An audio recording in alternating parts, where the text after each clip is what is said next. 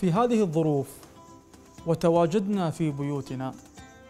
ما نقدر أن نحرم عيالنا من وناستهم وعارفين أنتم في ظل الظرف هذا أكيد أبنائنا يحتاجون إلى الألعاب الإلكترونية فما نقدر نحرمهم من الأمر هذا. لكن في نفس الوقت هذا لا يعني أني أترك الأبناء بلا متابعة في ظل التحديات اللي موجودة في الألعاب الإلكترونية خاصة التعارف اللي يصير مع المجهولين ما نعرف بالضبط من يكلم أبنائنا.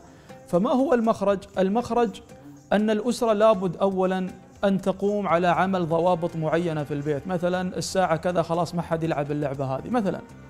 وأيضا أن يوم يلعبون لازم نحن نكون قراب منهم وعارفين عيالنا في الحقيقة يتحاورون مع من ويتحادثون مع من ومن الذي أضافهم هم أضافوا من.